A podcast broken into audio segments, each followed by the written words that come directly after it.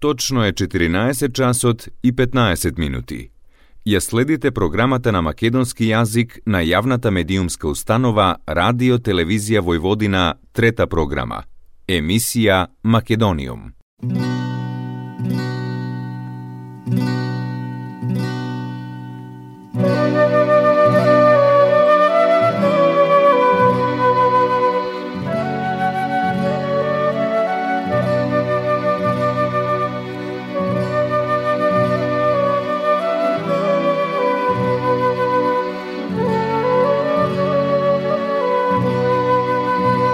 Македониум.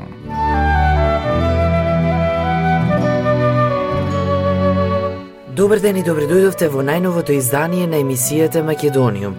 Со вас, почитувани слушатели, е вашиот уредник и водител Јулијана Милутиновиќ. На моје огромно задоволство, секогаш со радост во емисијата Македониум, гостува председателот на Националниот совет на Македонската национална заедница во Србија, Борче Величковски. Со Борче денес малку за пописот на населението во Република Србија, какви се плановите на посебната работна група за изработка на акционен план за националните малцинства во Србија. Една од поголемите активности во периодот кој е пред нас секако ќе биде пописот на жителите и имотот во Република Србија кој е планиран за октомври месец.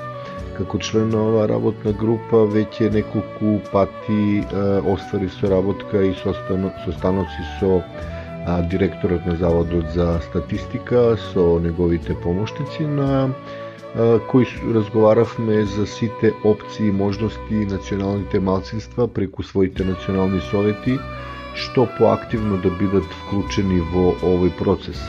Како што во некои од поранешните разговори истакнав, ние го следиме овој процес од почеток до крај. Имаме наши луѓе во Републичката пописна комисија, имаме наши луѓе во работната група за пописот, а, успеавме да договориме со Заводот за статистика да имаме а, членови на пописните комисии на ниво на локалните самоуправи и тоа во 79 локални самоуправи спрема последниот наш договор. А, сите припадници на националните малцинства ќе имаат а, свој заеднички а, представник во 79 практично града во Република Србија кои ќе ги нагледуваат и следат сите пописни активности. Идејата е да имаме и што поголем број на наши попишувачи кои активно ќе учествуваат во, во пописот. Она што е новина, а, тоа е дека пописот ќе се врши на некој начин електронски. Имено а, попишувачите ќе како и секогаш ќе ги посетуваат граѓаните, ќе влагаат во нивните домови, но сите е, податоци ќе бидат е, складиштени во компјутери и онлайн ќе бидат во истиот момент праќани во еден центар од каде што повеќе нема да може со нив да се манипулира. Ова значи дека а, се она што во моментот го кажува граѓанинот кој се попишува автоматски оди во рачунарски центар од каде повеќе не може да се манипулира со тој податок, веќе он се зема како готов. А, тоа е едно сподобрување на а, пописот кое ќе доведе до тоа да а, немаме можности за сомнеж дека со одредени податоци се манипулирал. Она што ќе биде новина, не до толку, но сепак новина, бидејќи 2011 година е направена како пробна категорија е начин на така наречено европско двојно изјаснување.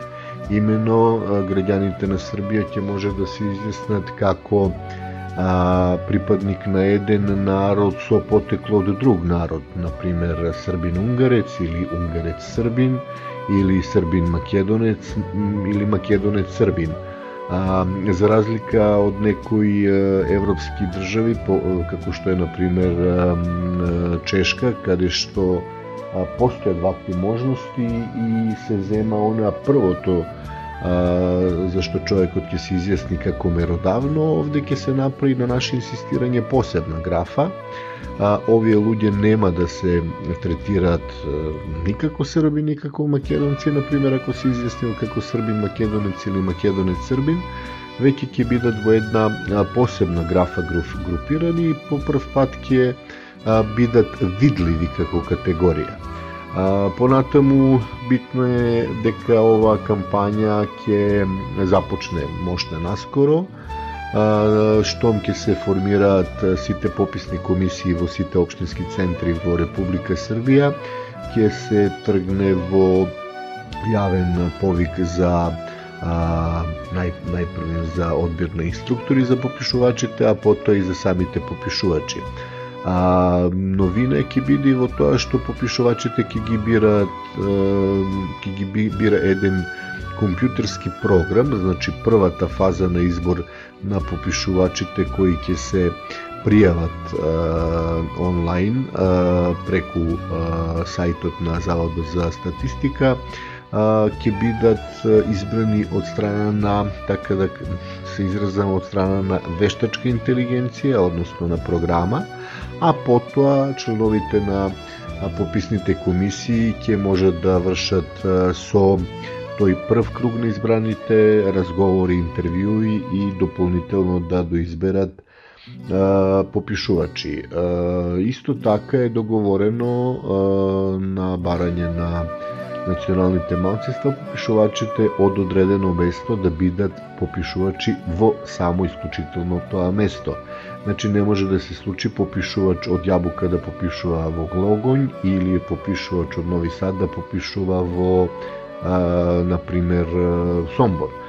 А, значи ќе мора да се попишува дури и значи одевме во а, насока на да така кажам уситнување на на на на оваа проблематика од едно место или од, од едно населено место попишувачот кој има свое пребивалиште во тоа место, ќе може да ги попишува само луѓето од а, тоа место. А, така и на тој начин ќе можеме да вршиме, да така кажам, една а, транспарентна активност, но и да помогнеме да сите оние припадници на одредени национални малцинства можат да, да, се изјаснуваат, односно да ги дават своите а, изјави или да се попишат на својот мајчин јазик, бидејќи е подразбирливо дека од одредена средина која е богата со, например, припадници на унгарската заедница или на македонската заедница или на албанската заедница, се едно ќе се пријават најмногу и граѓани припадници на таа заедница како попишувачи. А, наше е да ги охрабриме сите граѓани да што помасовно земат учество и да ги дадат своите а, изјави, да, односно да се попишат, а, за да можеме на крајот на овој процес да имаме една јасна информација а, колку сме во Република Србија и а, на тој начин да можеме да имаме една транспарентност во нашите комуникации и нашето живење. Македонијум Борче, дали ќе може да ни кажеш нешто повеќе за тоа кои се активностите на Националниот совет оваа година?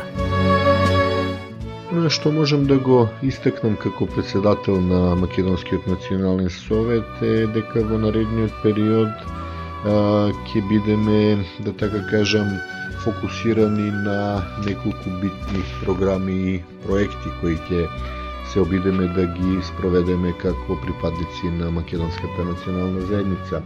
Пред се, ова година е година на обележување на 75 години од досилувањето на македонците во автона покрајна Војводина, а ова година се совпадна и со нашата прослава на 20 години од институционалното организирање на Македонската национална заедница во Република Србија. Во рамки на овие два јубилеја ќе имаме голем број на активности за кои благовремено и преку вашиот медиум, преку нашата емисија Македониум ќе најавуваме, но а, она што во моментот сакам да го истекнам е дека во подготовка е монографија за јубилејот 20 години од институционалното организирање на Македонската национална заедница во Република Србија, за која се надеваме дека до крајот на годината ќе ја завршиме. Нашиот долго сонуван сон да подигнеме еден споменик кој ќе го наречеме Мајка Македонија во чест на сите оние наши предци кои се доселиле пред 75 години сега веќе во односно на просторот на автона покрајна Војводина се надевам дека ќе успееме во тек на оваа година да го реализираме. И на имено ние разговаравме со а, актуелниот премиер на покрајината на автона покрајна Војводина кој ни вети дел од средствата за подигање на ова нешто што на нас ќе биде од голема значителност. Јас ќе подсетам дека а, припадниците на македонската заедница имаат, а, да така кажем, како нематеријално а, културно добро само една биста на нашиот револуционер и учител Гоце Делчев која се наоѓа пред истоименото училиште во местото Јабука кај Панчево. Споменикот кој треба да биде во бронза, во величина од 2,5 метри без постамент, со постаментот негде околу 3 метри и 10 сантиметри. Локацијски ќе биде најверојатно на територија на општина Панчево, се уште се договараме со општинските власти. Како што реков, дел од средствата обезбедивме, уште дел од средствата, половина од средствата се обидуваме и на добар пат сме да ги обезбедиме. Делото, споменикот, треба да го изваја нашиот академски вајар Синиша Новески, со кој ги договоривме деталите пред известно време на еден заеднички состанок. Така да би сакал да кажам дека во Македонската национална заедница во наредниот период здрави били ќе имаме, да така кажам, проекти кои ќе бидат мощни видливи. Крајот на годината негде е планирано да се заврши и со една многу битна работа, а тоа е изработка на првиот македонски а, речник на македонски а, глаголи, едно капитално дело, а, чиј автор е а, професорот Джарко Бошњаковиќ од Филолошкиот факултет во Нови Сад. Македониум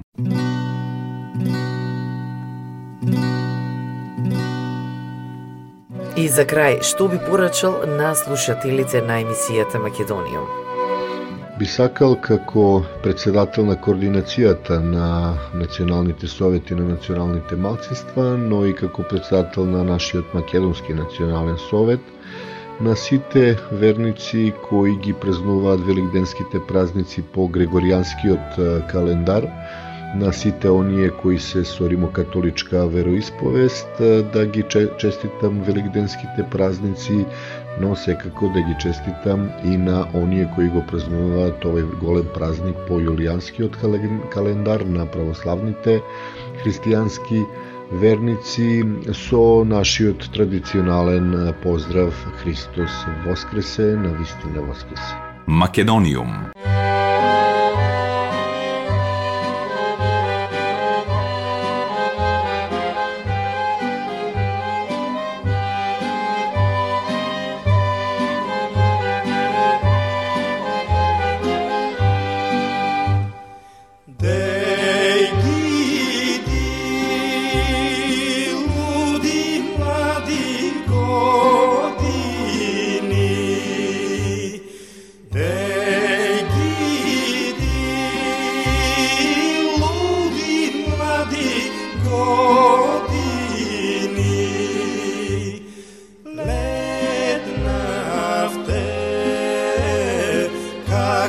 se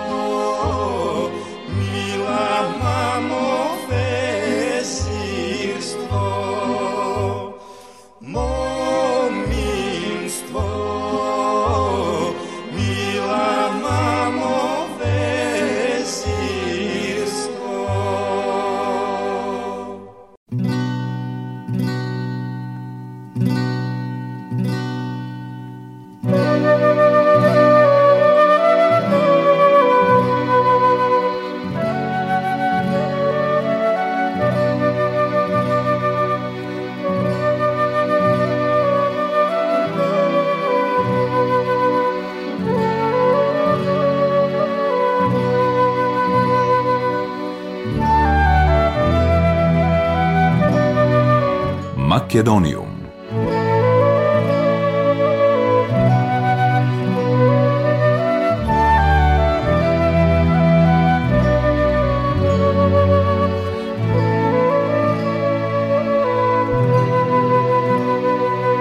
Представата Ана Каренина според романот на Толстој во режија на македонскиот режисер Дејан Пројковски, а во продукција на Новосадскиот театар, Новосадско народно позориште, е прогласен за абсолютен победник на годинешниот фестивал Театарска пролет во Шабац. Ова е и последна во низата од 22 награди кои овој театарски продукт на Пројковски ги доби во последните две години во Србија и пошироко. Ана Карени на својата премиера ја имаше во ноември 2019 година, а ги понесе наградите на сите релевантни фестивали во Србија, како што се фестивалот на професионални театри на Војводина, Тврдјава фестивалот, на фестивалот Борени театарски денови во Врање. Представата на Пројковски, кој е еден од најнаградуваните и најпродуктивните македонски театарски режисери на Балканот, освен што е прогласена за најдобра во целина, доби и награда за најдобра режија. За најдобар актер е прогласен Арпад Месарош, кој го толкува ликот на Алексеј Вронски, додека наградата за најдобра актерка ја доби Тимеа Филип, која во представата Ана Каренина го толкува токму главниот лик. За наградите одлучуваше жири во состав Зијах Соколовиќ, Сладјана Килибарда и Ирфан Менсур, а Ана Каренина победи во конкуренција на представите, меѓу кои и на Ателие 212 од Белград и Београдско народно позориште. Со овие награди Ана Каренина е најнаградуваната представа во историјата на Новосадско народно позориште, а истовремено го вбројува македонскиот режисер Дејан Пројковски во редот на најзначајните театарски режисери на денешницата не само во Македонија, туку во целиот регион.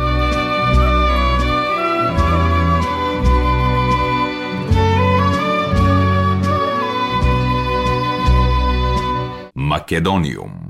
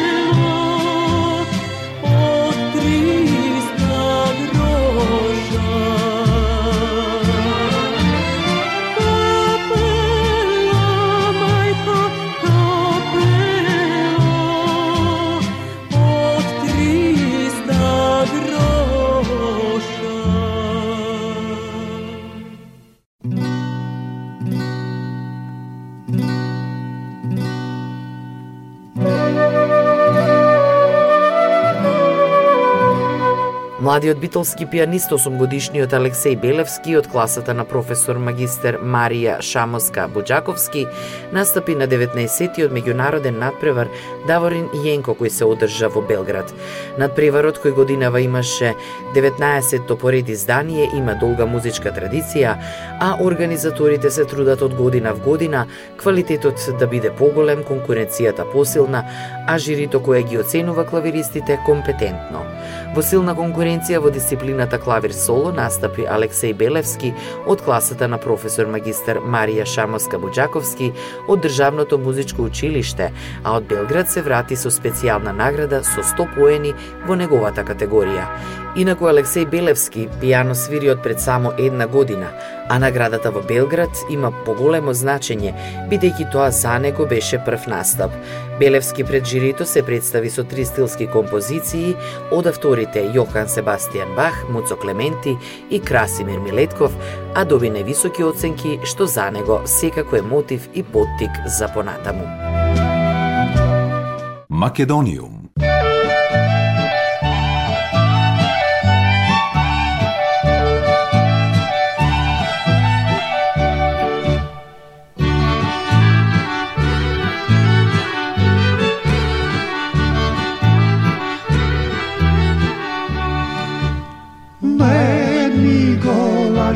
Georgi, mare to janam, mare to mile Georgi, malečko. Mare to mi je Georgi.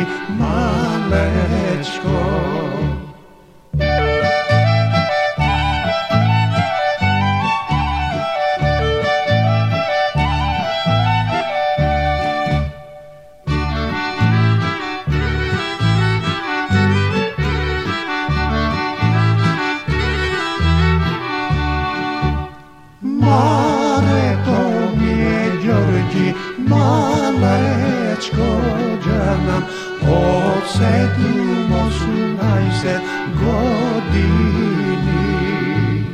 Ο ξεπλούμος να είσαι γοντινή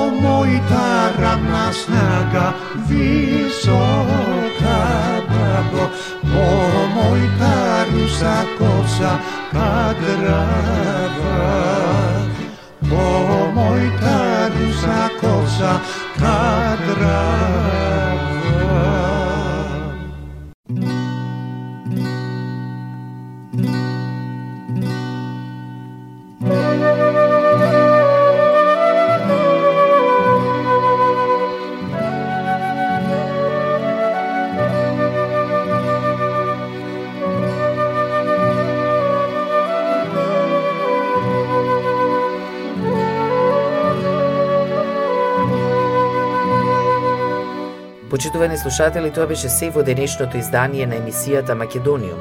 До следната среда во исто време, срдечен и голем поздрав од вашиот уредник и водител Јулијана Милутиновиќ.